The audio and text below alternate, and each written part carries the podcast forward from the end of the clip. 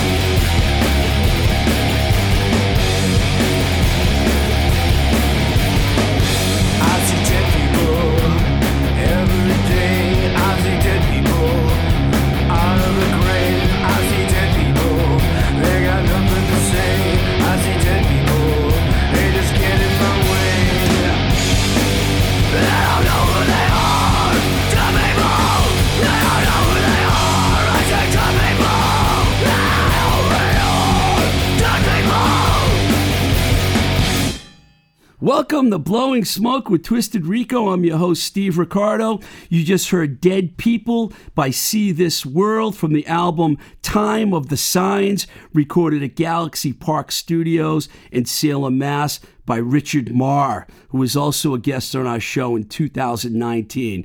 Let's welcome to the show the one and the only Dave Tree.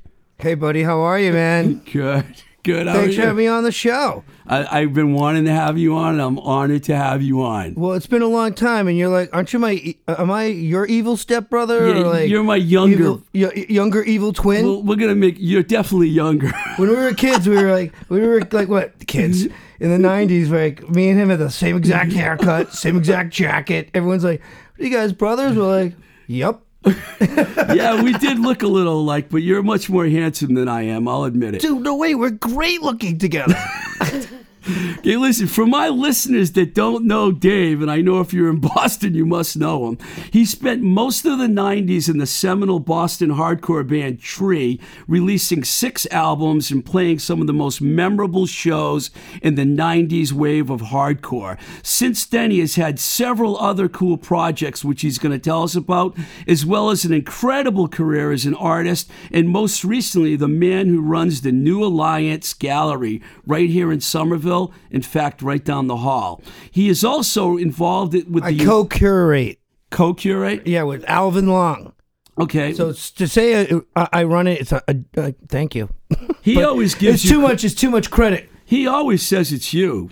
By the Well, way, that just so you know, Well, it's it's a team. We're a team effort for sure. A damn And- good team. Yeah, it's a great team. And one last thing I want to mention is Dave is involved with the evolving story regarding the rejuvenated podcast room here at New Alliance, where he's working with Dave, uh, excuse me, Mike Nash, and myself and Nick. We're all going to work together on that. I know. I'm psyched. It's pretty exciting. So before we get into music and some of the things that's gone on in your life, I was just wanted to talk to you about the unsettling times that we've been dealing with 220 and now it is now. What have you personally been able to do to get through all this chaos?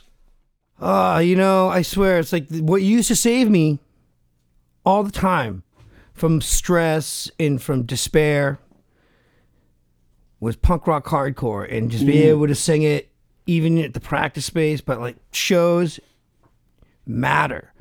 People coming up showing up for shows matters. People coming up front and having a good time matters. All that shit, all that magic that matters makes a huge difference. You know what I mean?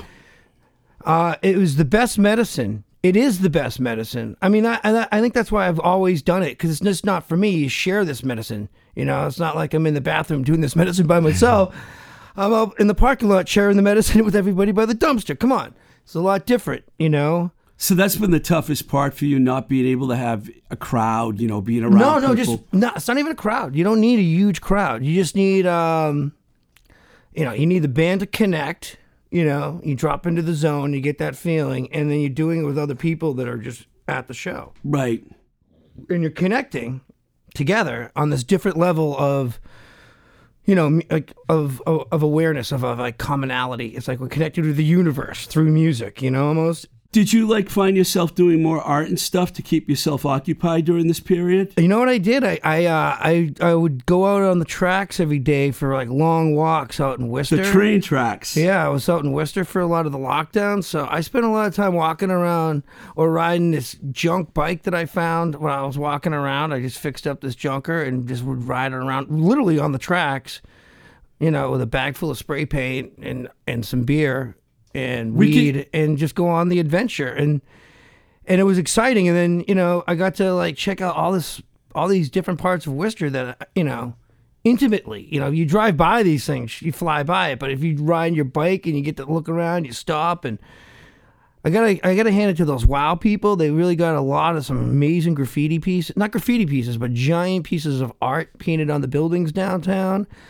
And then there's great places to where the kids just get up on themselves too, where I go check that out. And You- I, you're- I love graffiti and and people getting up and like serious pieces. It's like it's always like uh, I always like looking at that stuff and checking it out, taking photographs of that. And We're gonna. so I, I went on an adventure.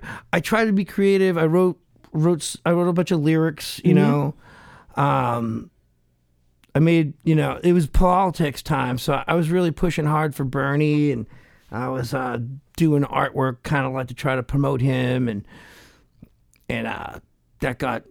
He got robbed again by the DNC. I mean, like, can't You're getting all can't political now. sweeten over the shit that happened. You know, they fucking totally scammed him again like Pete Buttigieg just like drops out, and Amy Klobuchar just drops out on Super. T- like you don't like just- those moderates, they- anyways. What do you care? No, I don't like them. I don't like them. No, I don't. I do not.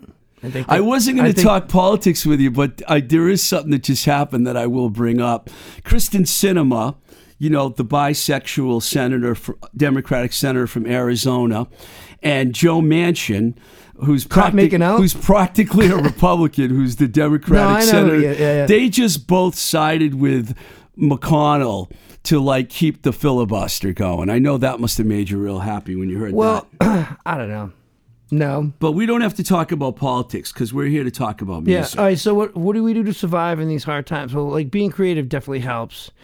Uh, walking around in nature. That helps a lot too. Get out there. Yeah. What are you doing? Your Instagram page is fantastic, and I was going to let you plug that later because That pretty you- much started during this adventure. Your I- your I- videos, like you had one, and I saw all these little black creatures running in out. I'm like, what are they? And then I, you told me they were Fisher cats. I've never seen that many Fisher cats together at one time. That was incredible. on the tracks behind my house in like the blown out warehouse district of Worcester. and they live in the ground. They lived in the in a burrow next to the tracks, and uh, I'm riding my bike by, and I'm like, I see it's like what looks like kind of like a kitten. I'm like, oh, look at that guy, and I don't even know if it was a Fisher cat because like two days, like, because coming back, it was dark, and I went right back the same way, and I'm like, hey, I wonder if the cats are out. I'm looking around, and all of a sudden I hear. Yeah. and like mom was home, and I was like, okay. Yeah. And I, and I look over and I see a shadow of like a dog-sized animal, like a medium dog. Ooh. Exactly. I'm like, what the hell is that? And then literally a couple days later, me and my wife were walking down in the park on the other end of the tracks, Yeah. baseball park.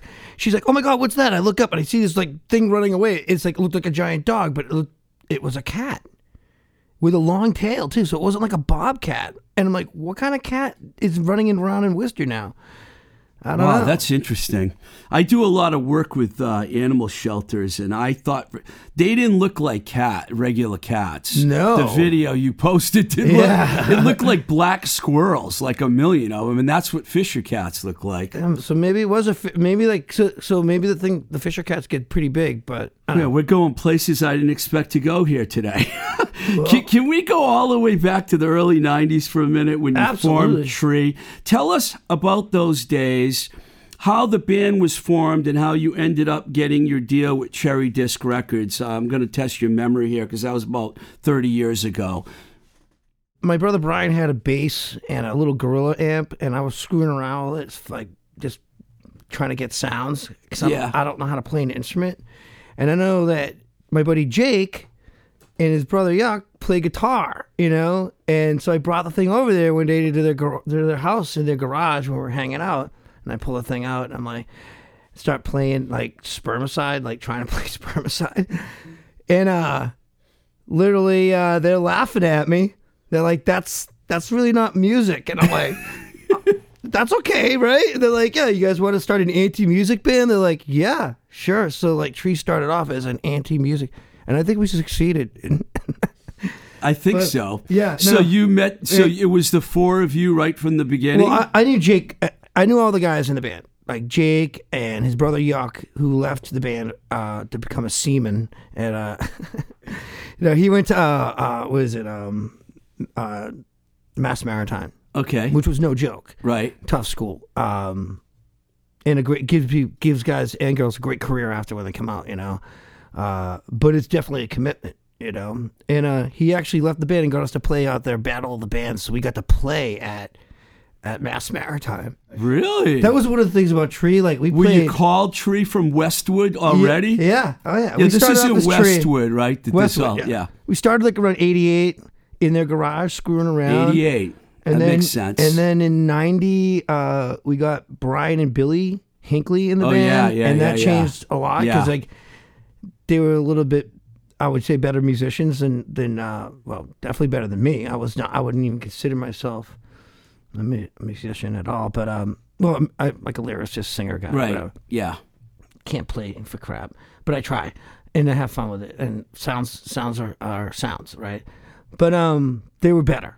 They were good. They had like like Ooze was like Brian. who's definitely good guitar player, you know, and had a style. Had his own kind of style going. When did it start translating to where you could get to Cherry Disc? And was there other bands that you were playing with a lot at the time that helped you? Because you know how when a new band gets comes along, you want to try and get on a bill with right, a well, here- bigger here- band. Here, here's how it happened. Like we had a posse already of like Westwood Maniac friends of ours. Can you tell the people out there that don't know where Westwood is exactly? like Westwood's like outside of Dedham. It's all right, so it's like it- South it's Like, it's like I wouldn't say South Shore. It's like going west next to Dedham and Norwood, right out, right outside of Boston, right outside of like uh, West Roxbury, Okay. go like Dedham, Okay. Westwood, Norwood. a s- Boston it's just- it's- suburb. it's a small little rich white suburb, basically. I mean, and it used to be like vacation homes for rich people. Like a lot of the houses there are like a small little like uh, cabin sized houses until uh, things started blowing up in the 80s there. I mean, there's a lot of old money there, but then all this new money showed up and all these new neighborhoods, like these whole like like like you know giant areas of woods just disappeared into turned into neighborhoods of those split level houses. Where you Yeah. walk you walk in the front door, you gotta go upstairs and go downstairs. They all look the same, like neighborhood after neighborhood of the exact same house. It was like trippy. It was trippy. It was like you could shoot a movie like those one of those like like dystopia suburbia show Right, movies. there. right, right. Because we easily. It's funny how so many good bands come from the suburbs, you know?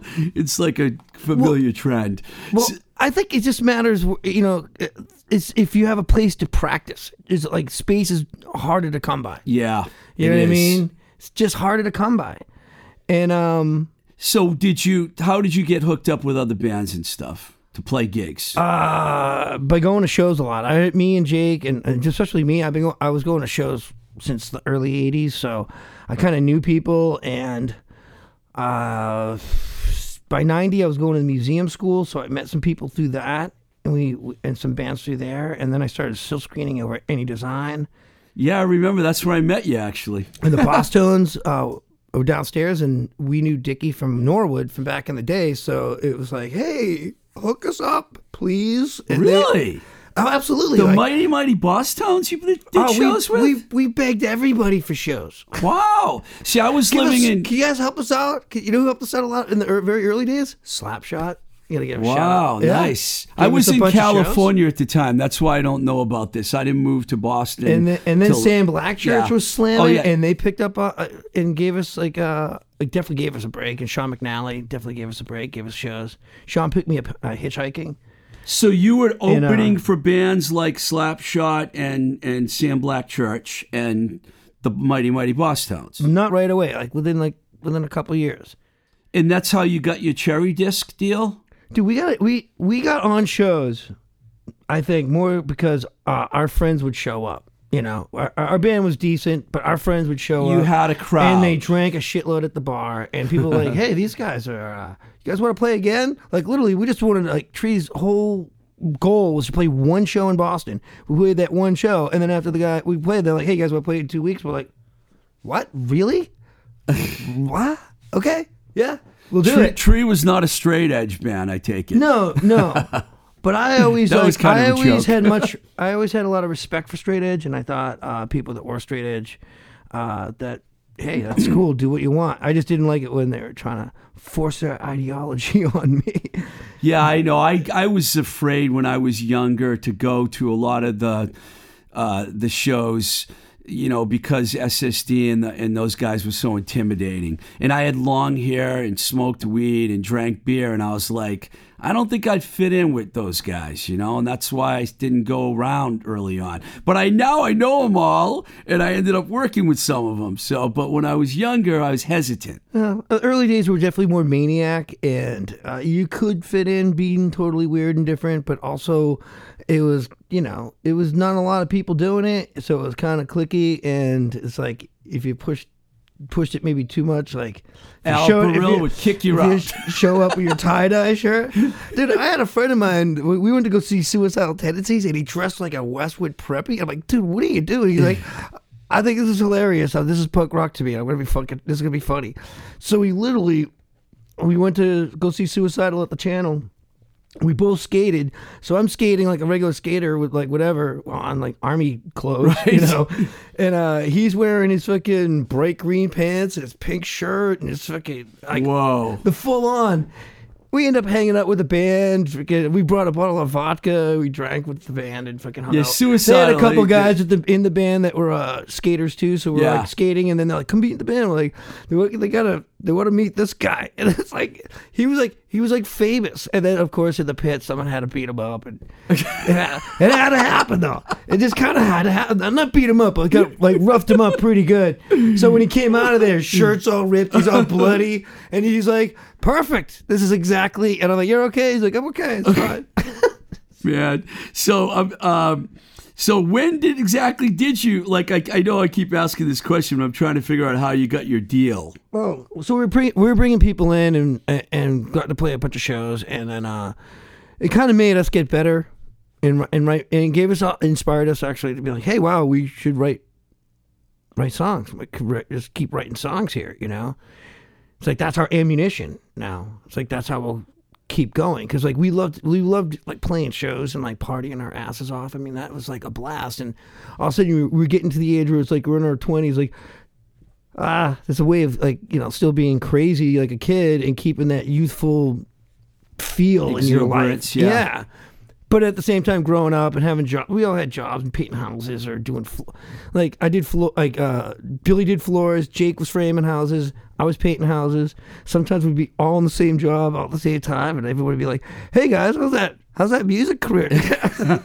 be like, "Great, it's, it's awesome. See you Friday night. We'll play at the Rat." You know. I think a lot of people don't realize that a lot of bands have to keep other jobs. You know, But that's the thing. It's like we'd have then all of a sudden we have all these maniacs from the job site showing up to our uh, shows and That's being like, cool. "Oh my god!" So like we were like these blue collar rock and roll guys, you know, and we were we were bringing people in the or our maniac friends, bringing in like we, we met a bunch of punks and skins. I, I met a lot of skaters growing up, uh, skating in Boston. And just being in the scene, so I tried to get those people that I knew into the band, and some of them liked it, some of them didn't, but would come and support us anyways, you know.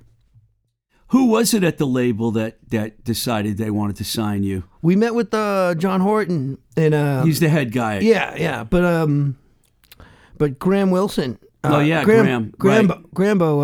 Uh, me and Grambo went to Framingham State together, and so did um, I went to Framingham State. I didn't know you went to school there. yeah, Wow.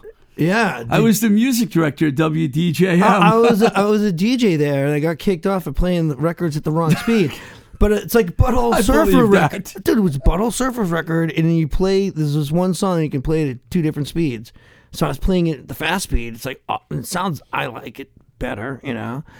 But um, we got in trouble for different reasons. I got in trouble for playing Bodies by the Sex Pistols. Oh, On really? the air. Yeah, they didn't like that. So I was playing music at the wrong speed and smoking tons of weed up there and drinking. We all there. did at Framingham Yeah. State. It was a it was a dry campus, and that was like where you could go and party. You could lock the whole building would be locked. When I was there, it wasn't dry. I lived in Kareen Towers Hall, and we partied our asses off. But then a couple of years after I left, that was it. All Yeah. the campuses went dry. So, uh, So what, Graham, what, what the hell did you do? what did I do? You had to make all the campuses go dry. Oh, we were we were.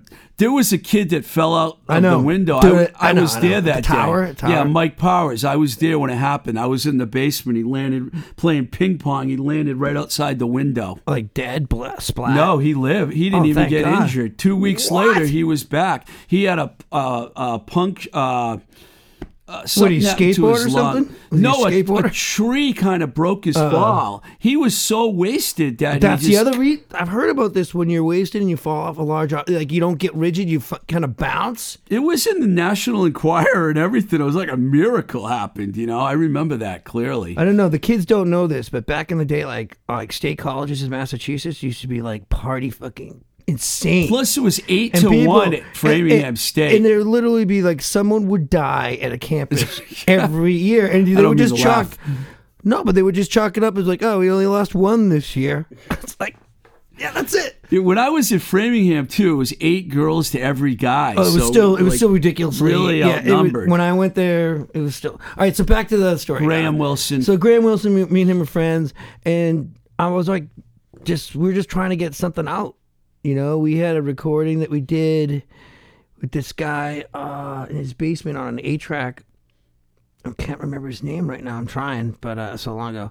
We did an eight track recording in like 1989 or something, and uh, that got us some shows in '90, and then uh, we used some of those songs for uh, the first album, A Lot to Fear, but a lot of those songs were brand new too, like uh, like Engulfed and, and Question Abuse. Like Engulfed was like brand new, like when like that whole we started doing like kind of like a hardcore hip hop type thing, but I, I wouldn't even call it that. It was just more on my vocal delivery than the band doing anything, Right. You know?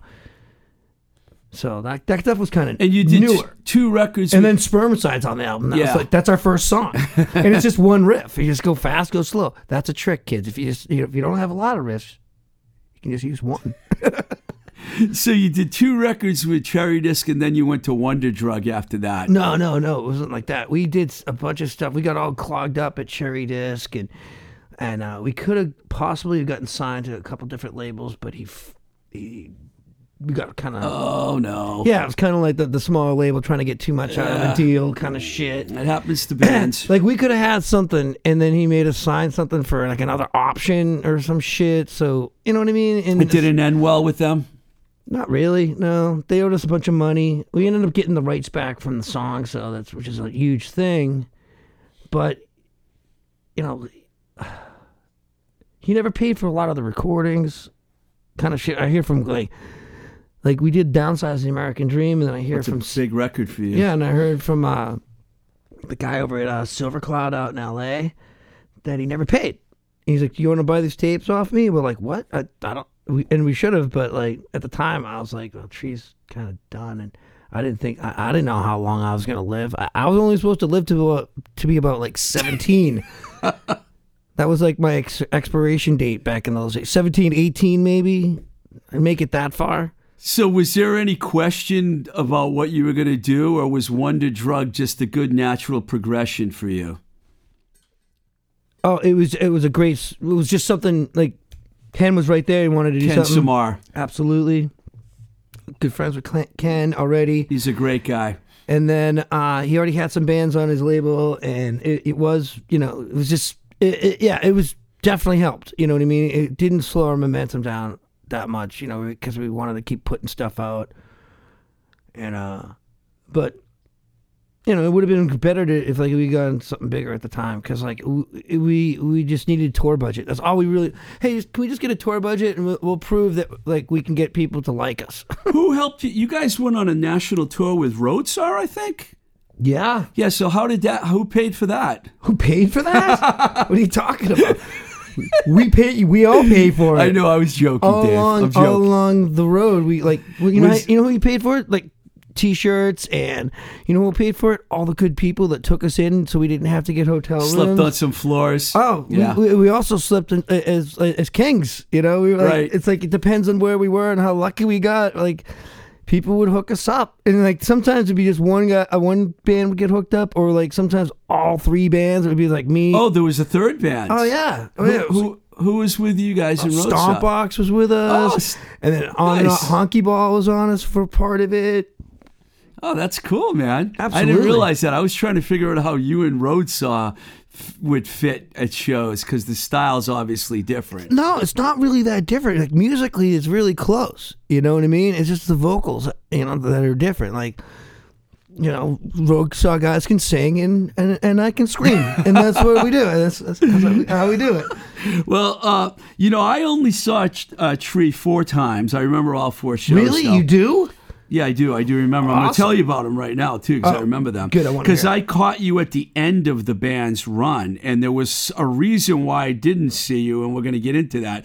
But one of those times was an unannounced set that you did at a benefit for the Animal Rescue League that I put together. You did it as a favor to me, and I I won't forget that. Oh, that was the- it was the. Linwood at the- Yep. Yep. And then another time you did a benefit I saw for the whale for a whale conservation conservation society at Axis, and you did a favor for me that time. You put three and a half girls on that show. Oh, nice. And then uh, there were two shows downstairs at the Middle East.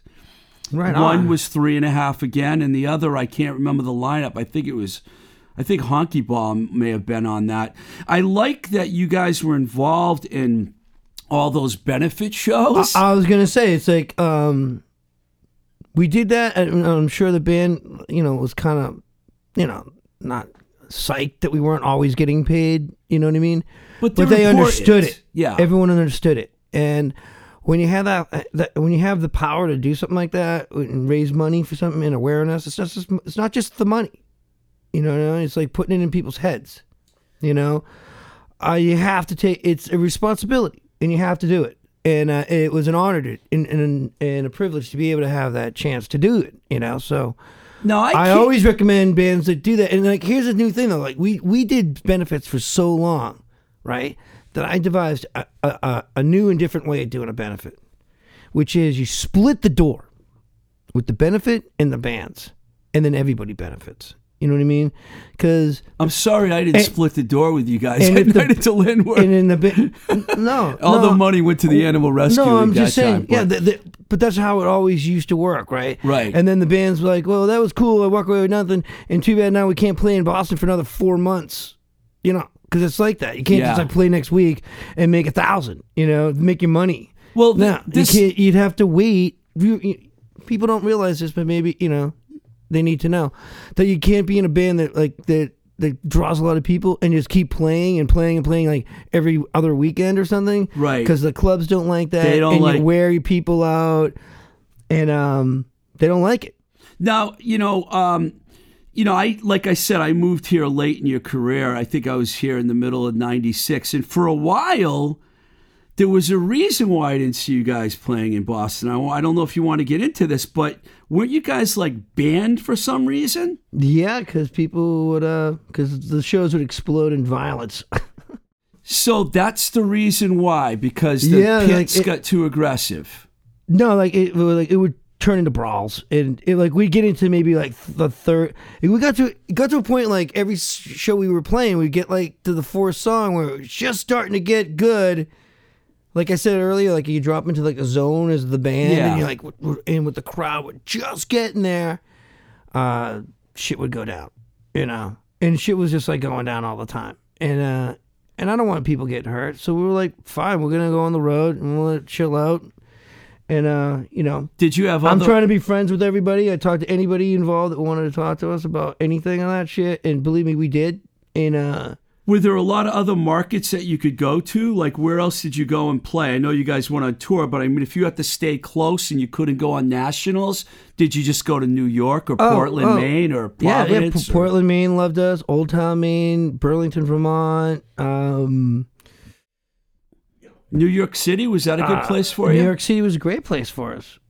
Absolutely, New York was really good to us. D.C. was really good to us. Oh yeah, I believe Uh, that. Maryland was really good to us. Philadelphia was really so all the big spots on the East like Coast. right down. We could just go right down the East Coast easily. You know what I mean? Like, uh, new, like the LNG in New London, oh. I know that club. Yeah, that they were really good to us. Yeah, Right? It Good was it was run by an old biker guy. He, he like we we became friends with him. The best thing about being in a band and touring like that, right, and getting out of town is like going out of town, being from Boston, repping your city, and being friendly and meeting all these other people and making them love your city too. You know what I mean? And being like, wow, those Boston guys, they get wasted. Before you tell us, we're going to take a little break here. Before you tell us about your other projects, because you have a lot of them, we're going to listen to a song that's like been in my head now for a while. I love this song. Uh, this is also from uh, See This World. This one's called Reality. Uh, wait, wait, wait, wait a second. Wait a second. All right, this one's called Reality. It's off our new release. The future is 2020. yes, I was going to say that. Got nine new songs. you've taken over my job recorded, for me. Recorded it over at Galaxy Park by Richard Marr Yeah. and mastered right here by our own Nick Z at New Alliance East. Nick, I think uh, you know Dave's going to take my show over, man, and I'm gonna, I'm going to let him become the host. Oh, I just wanted to, because the other album, the other one uh, is off a different album. Yeah, I- I know. People. So Right. I, I just want to know this is new. Co- so please check it out if you haven't heard okay, it. here it is. Check it out. What's your reality? Do your reality? What's your reality? Do your reality? Find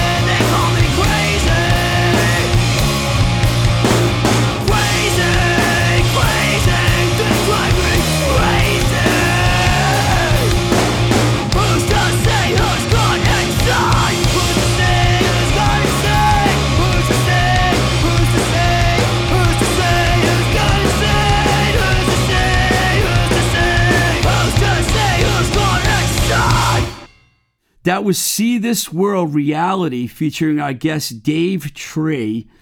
The track was recorded with Richard Marr at Galaxy Park. I know Richard. 2019. He's kind of fun to work with, isn't he? Love working with Richard. He's great. He's great. He's got a great ear. He's a guitar player himself. He's got a great, great new place of recording. Like we we recorded the the Dead People song Right. at his old place in Watertown, which was great. It was right near my house. I could never saw that bicycle studio. there. I used to work with him a lot when he was in the greenhouse, but then I left Yeah, town again. And then the, that's what that's what I first met Richard. when he was working in the greenhouse. The greenhouse. greenhouse, yeah, the Charms and uh, a lot of bands I worked with recorded there. Flexi. Um, I know you also have uh, another project called Sex Drone. Yeah. With, with our very own Nick, Nick Z, yeah. Duncan Wilder Johnson, and Michelle Morgan. Is this a project that will you also plan on doing more of in the future? Or Absolutely. I'm making like Nick Z, like because I'm here today. I'm making Nick Z write at least one new song. I, You're making him write a song today. today. Absolutely. Okay. Yeah. Oh yes, Nick. Yes. Uh, give me like two. Uh, give me an hour in a moment, and we'll write a song. He's that good. You know, he's that good to work with. There's a pretty cool video of that too. That's on. Oh, uh, yeah, on the- the- Trevor. Trevor did one. Yeah. I really like that a lot. Um, you know what I want to? So here's the deal. Okay, Right. Here's just how Sex Drone happened. We're in this very room, putting up walls two years ago. Okay. Building this place out so we could do stuff down in this basement because this basement was just a blown out trash heap of junk and muddy, rusty water. Right.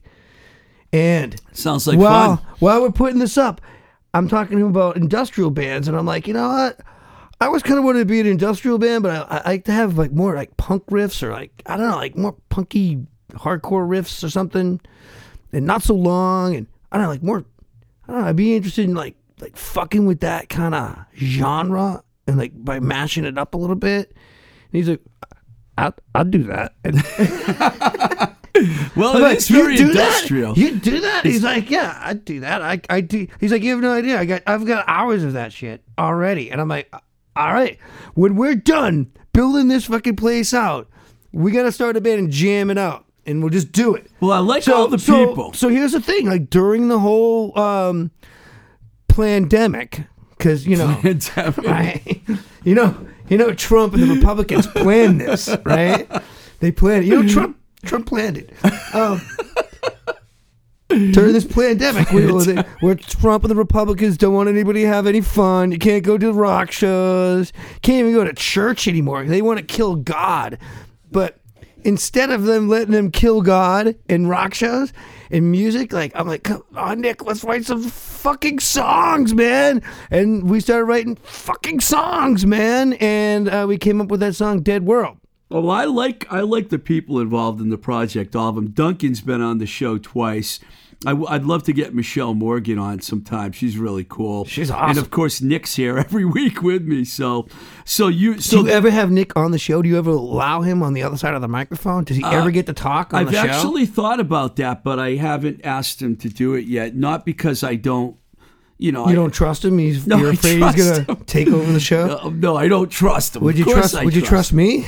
No, No, I- after no, today, I'm not no. really sure I about having. I wouldn't, dude. I'm not really sure I'm going to have you back on the show again after Good. today. But Good. I'm just kidding. you. but I like that lineup, and I wanted to bring that up, and I do hope that you guys do more stuff together. I, I, no, I'm seriously like gonna like sit down with Duncan him. Wilder Johnson's a great guy. I love. Oh no, he's good. He's well, here's the funny thing. It's like we were doing that. We were do, working on a song called "Us and Them," and we got to a point where we were coming up with the chorus type thing, and uh, I'm in here like just kind of making stuff up, and then Duncan came in, and he starts like like mocking me. And but doing it better, and I'm like, oh hey, I should copy. So I start copying what he's doing to me, and then I'm like, wait, why don't you just come in and sing on this this baby, this sweet hot mama, you know? And the band was formed. And then uh, no, it's not, no, no, I wouldn't even say it was a band. It's like that song got done. You know what I mean? It's like right now we got like three songs, right? So like Duncan Kiss came in, made fun of me, made it happen. you know. And then I'm like, so then I was like, all right, well, Ducky, you're on this song, so you have to make the video, and you have the video skills. So he did. He made a video, and then I was like, "You could do better than this." And he's like, "I don't have the time." I'm like, "You could do. Don't give me that. I put you on this song. You have a responsibility now for the music." he's and he's kinda- like, "Ah, all right." Dun- Duncan asked me one day if he was our third brother. yeah, I said, yeah, he you is. probably could Oh, no, be our right. third brother. Yeah, he's he's my definitely. I call him my evil twin. So like, I guess like it just goes down the line. Like you're the oldest twin, I'm in the middle twin, um, and he's the young twin. There's two other things I wanted to talk to you about. One was in, I think it was 2010. I remember this because there's a lot of photos. We were hanging out at the Boston Hardcore Reunion Show in Revere. Oh, right. DYS and Gang Oh, yeah. Green. And, Yeah, I and, do. And that was just, I mean, you must have loved that. I loved it. I'm oh, that sure was loved fantastic. I love that. That was great. I uh, I never got to see DYS when I was a kid, so I was like, all right, I get to see DYS as a Yeah, kid. Smalley was good that night. Yeah. Definitely. No, the whole thing was great. I Yeah. thought Jerry's Kids probably was the best band of the show. They were like on fire. Oh, man. right. Bob Cenci's an animal. Yeah, but you know, all the bands were good. I mean, they were all good. I mean, you can't go wrong with a lineup like that. You know, the FUs, who, who was it? DYS, FUs, Jerry's Kids, Slapshot. Uh, I'm probably forgetting somebody, but it was just Yeah, fantastic. I, I was drinking in the parking lot too. So Yeah, we were out there partying. Yeah. Tanya Diaz was hanging out with us that day, and Chris Doherty. We were all out there. I got photos of all of us together. That's what made me. I, I, wo- I woke up on the beach that day down like Wellfleet, and I was like, I'm like, I gotta go to that show. I'm like, you're leaving? I'm like, yeah, I gotta go. And I just drove from the beach you right there. I, I couldn't. I would not have missed that show for anything. The other one that I want to bring up, and you were very involved in, was the Gang Green All Star Band at the Chris Doherty benefit Oh, right. a couple years ago. Why don't you tell us about that whole experience? Because you were part of the the the, the super group at the end of the night that played. Right, su- the super group. Um, It was. thank you.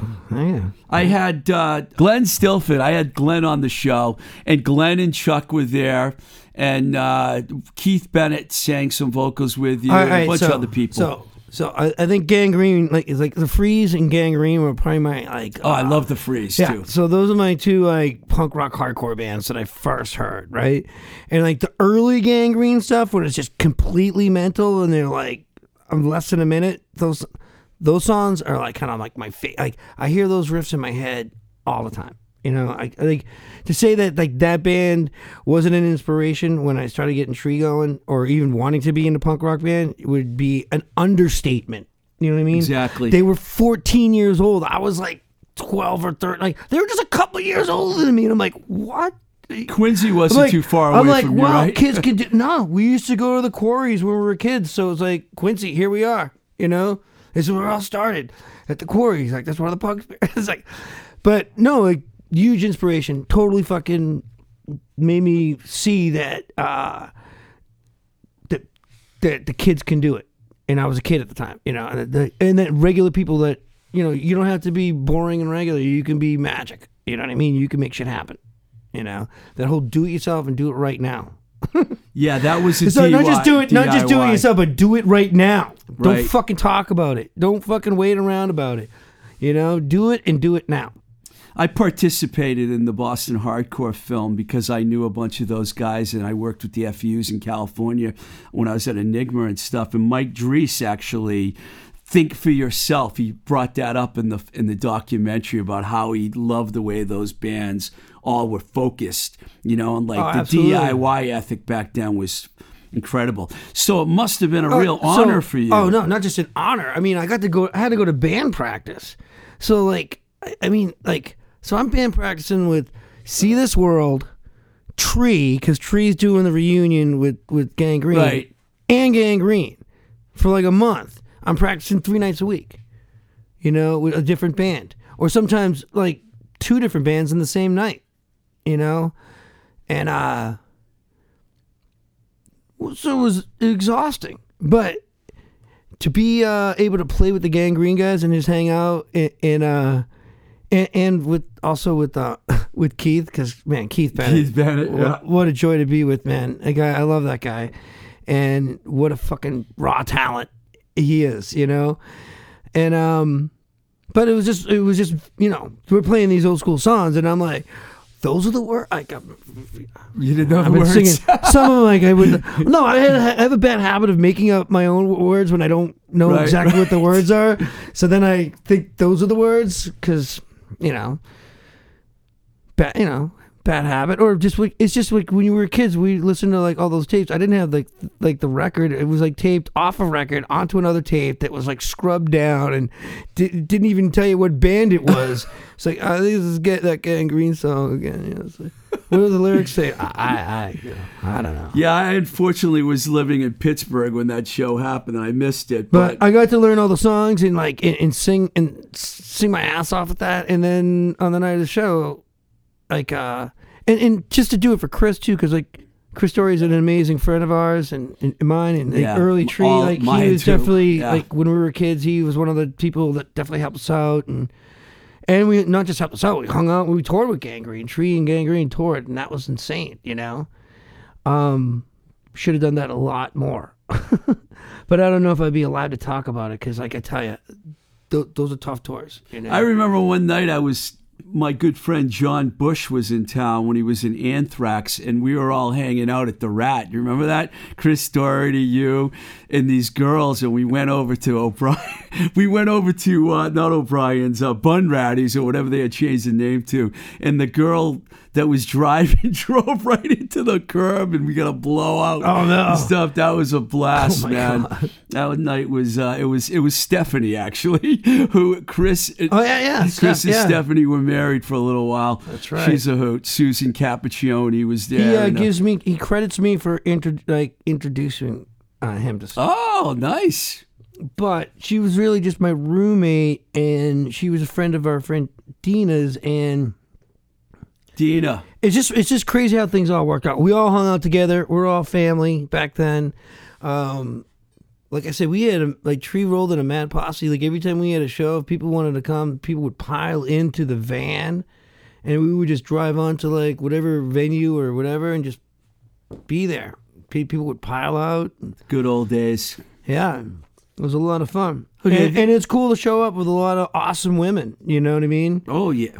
Uh, yeah, I Yeah. know what you mean. Right? Um, so this has been fun, but before we before I let you go, we didn't talk about the art thing at all. Why don't you just tell me a little bit about what your plans are as an artist? You do a lot of shows.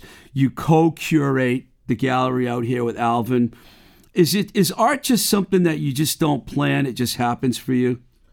Oh no! I, well, here's a, like here's how art comes to me. It's like sometimes I just see something in my head, or I hear like it's like a song too. You hear something in your head, or you come up with like some kind of lyric that has a rhythm that you sing that creates a riff, right? Or you see something in your head and you want to like see if you can bring it into the real world, right? Sometimes you can't, but sometimes the mistakes of trying to bring it in are just as good, if not better, than, You the, have than a the original idea. You have a wide range of art. You know, I, well, here's this, I have like uh, I come up with processes, right, or or styles of doing it. So I have the silk screen, exact silk screen thing. I can just do exactly like silk screen, do like four different color silk screen design, boom. Or I can do a one color silk screen design and then paint on top of it.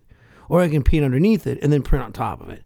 Or I can, you know, I can mix up all different ways of printing and stuff that create these, you know, you I work on these like kind of like looks, you know, and uh to have like a nice finished product that like even though if the imagery is totally different uh, you can see that they're all it's all done like kind of like the same way and it has a congruency there too. But it's just cool to work with different ways of getting it out. You know what i mean? It's like uh, i guess I, like I, I can uh, i can give a shout out to the museum school for that because like it, when you went to the museum school you could use anything in the school. So i went there for photography because they had great dark rooms color and black and white dark rooms big.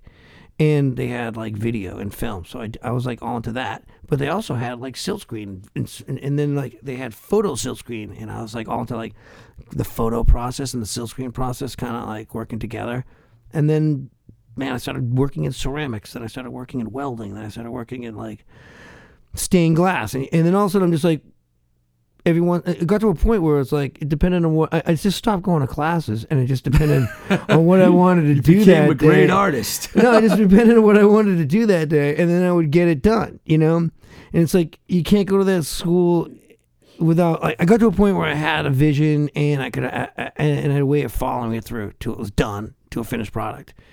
And, Well, I uh, like your work, and I just wanted to mention that. And I well, think, like, well, art's important, and we need to get that back going. Yeah, and, once- and it's really difficult. How do you have an art show during a uh, Right. during a pandemic? Trump. I wanted to use that. I was gonna say, as soon as this pandemic is over, Yeah, you- they planned this. it's your line anyway. Trump, the Republicans, those the lizard people that eat your children. I mean, that whole Q people, they're right, but they're wrong because Trump's not going to save you. Trump's the fucking leader of the There's fucking some psychos cannibal. in that bunch, without a doubt. Why Dude, you don't- don't know about the, the reptilian cha- uh, change, shape shifting changelings that have been here since like you know ancient ta times. Like, you know about that, right? Um, some of some even responsible. It sounds like a whole show to me. Yeah, Um, well, that, that's what. Well, that that's see, this is like this. So the, that's like an old like uh conspiracy theory or whatever you want to call it. It's been going on for a long time. They talk about these lizard people, these shapeshifters that are here, like harvesting us, Right. for our negative energy and st- like. um, Hear me out, right? So then this guy Q comes on, or this Q shit, perverts all this stuff and goes, "Yeah, all this shit's real, but it's the Democrats that are doing it, and only Donald Trump's going to be able to save me, y'all." Even though like Trump's like pretty much been like accused of pedophilia himself and rape of a child, um, and is known to hang out with Jeffrey Epstein, right? Somehow he's going to be the leader that comes out and save y'all, dude. Rah. God said so. So Q stands for what? Quack? Quackers? You quackers? You guys are quackers? Q. So I, like seriously, isn't it some guy in Jersey that they, they found out? It's like so like why don't they?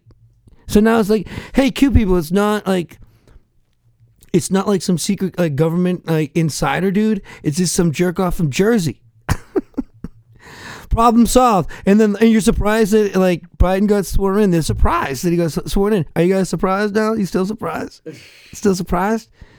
No, come on. Snap out of it. Snap out of it. Come back. You know, we love you.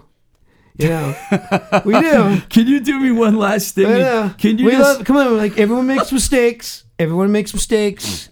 You know, Well, what you don't want to do or not is bury thing. yourself in lies. You don't want to bury yourself in other people's lies. Yeah. Don't bury yourself in other people's lies. I hope they come to their senses. No, well, Can they you- have to realize that they don't have to be buried. Like, talk about not being free. I want to be free. It's like, well, then you bel you believe in all these fucking lies. How free are you now? You're not free at all. You're a slave to fucking bullshit.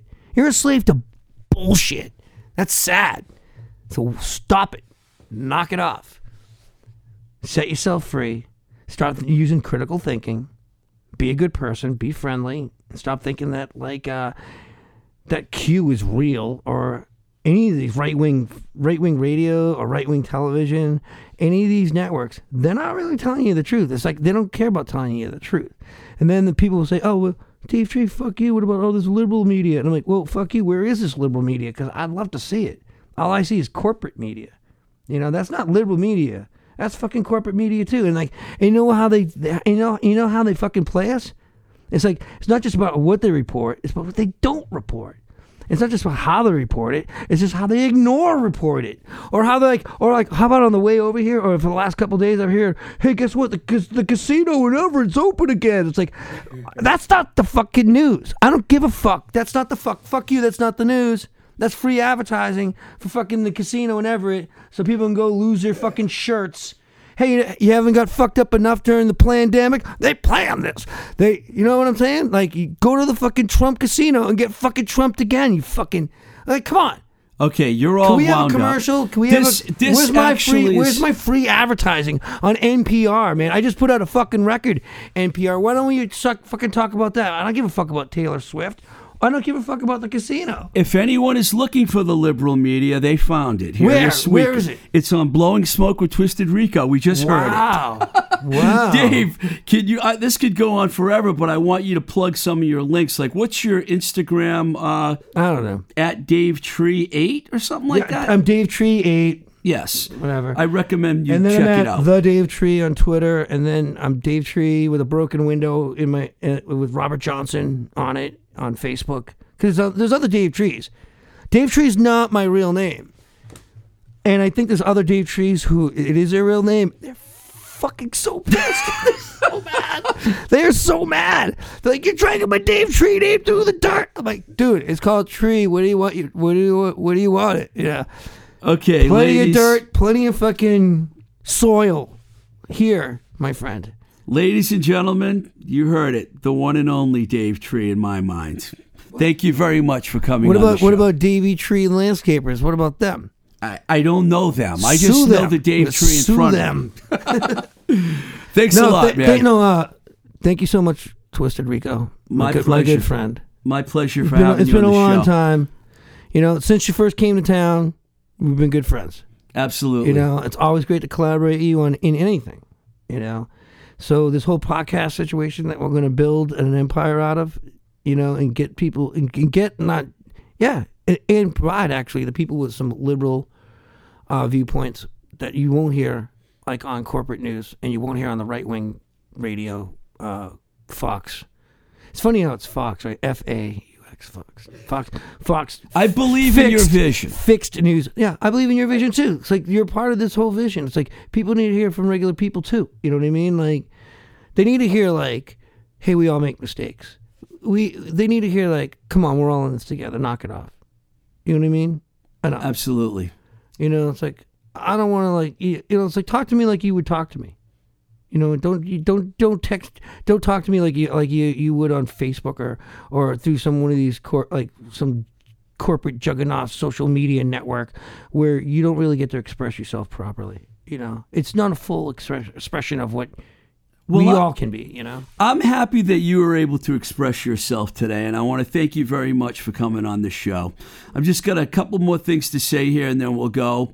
Um, I always mention this how it's really important that we support the mom and pops and independent shops like the one I mentioned at the beginning of the show, Baby Loves Tacos. And then there's other places like JLS Design in Leicester, the Moonbeam Cafe in Oakmont, PA, Spectacle Eyewear in Boston, the Dark Horse Pub right here in Somerville, Honest Taqueria, the Record Archive in Rochester, 1369 in Inman Square, and the list goes on and on. Uh, Book Lovers Gourmet in my hometown of Webster.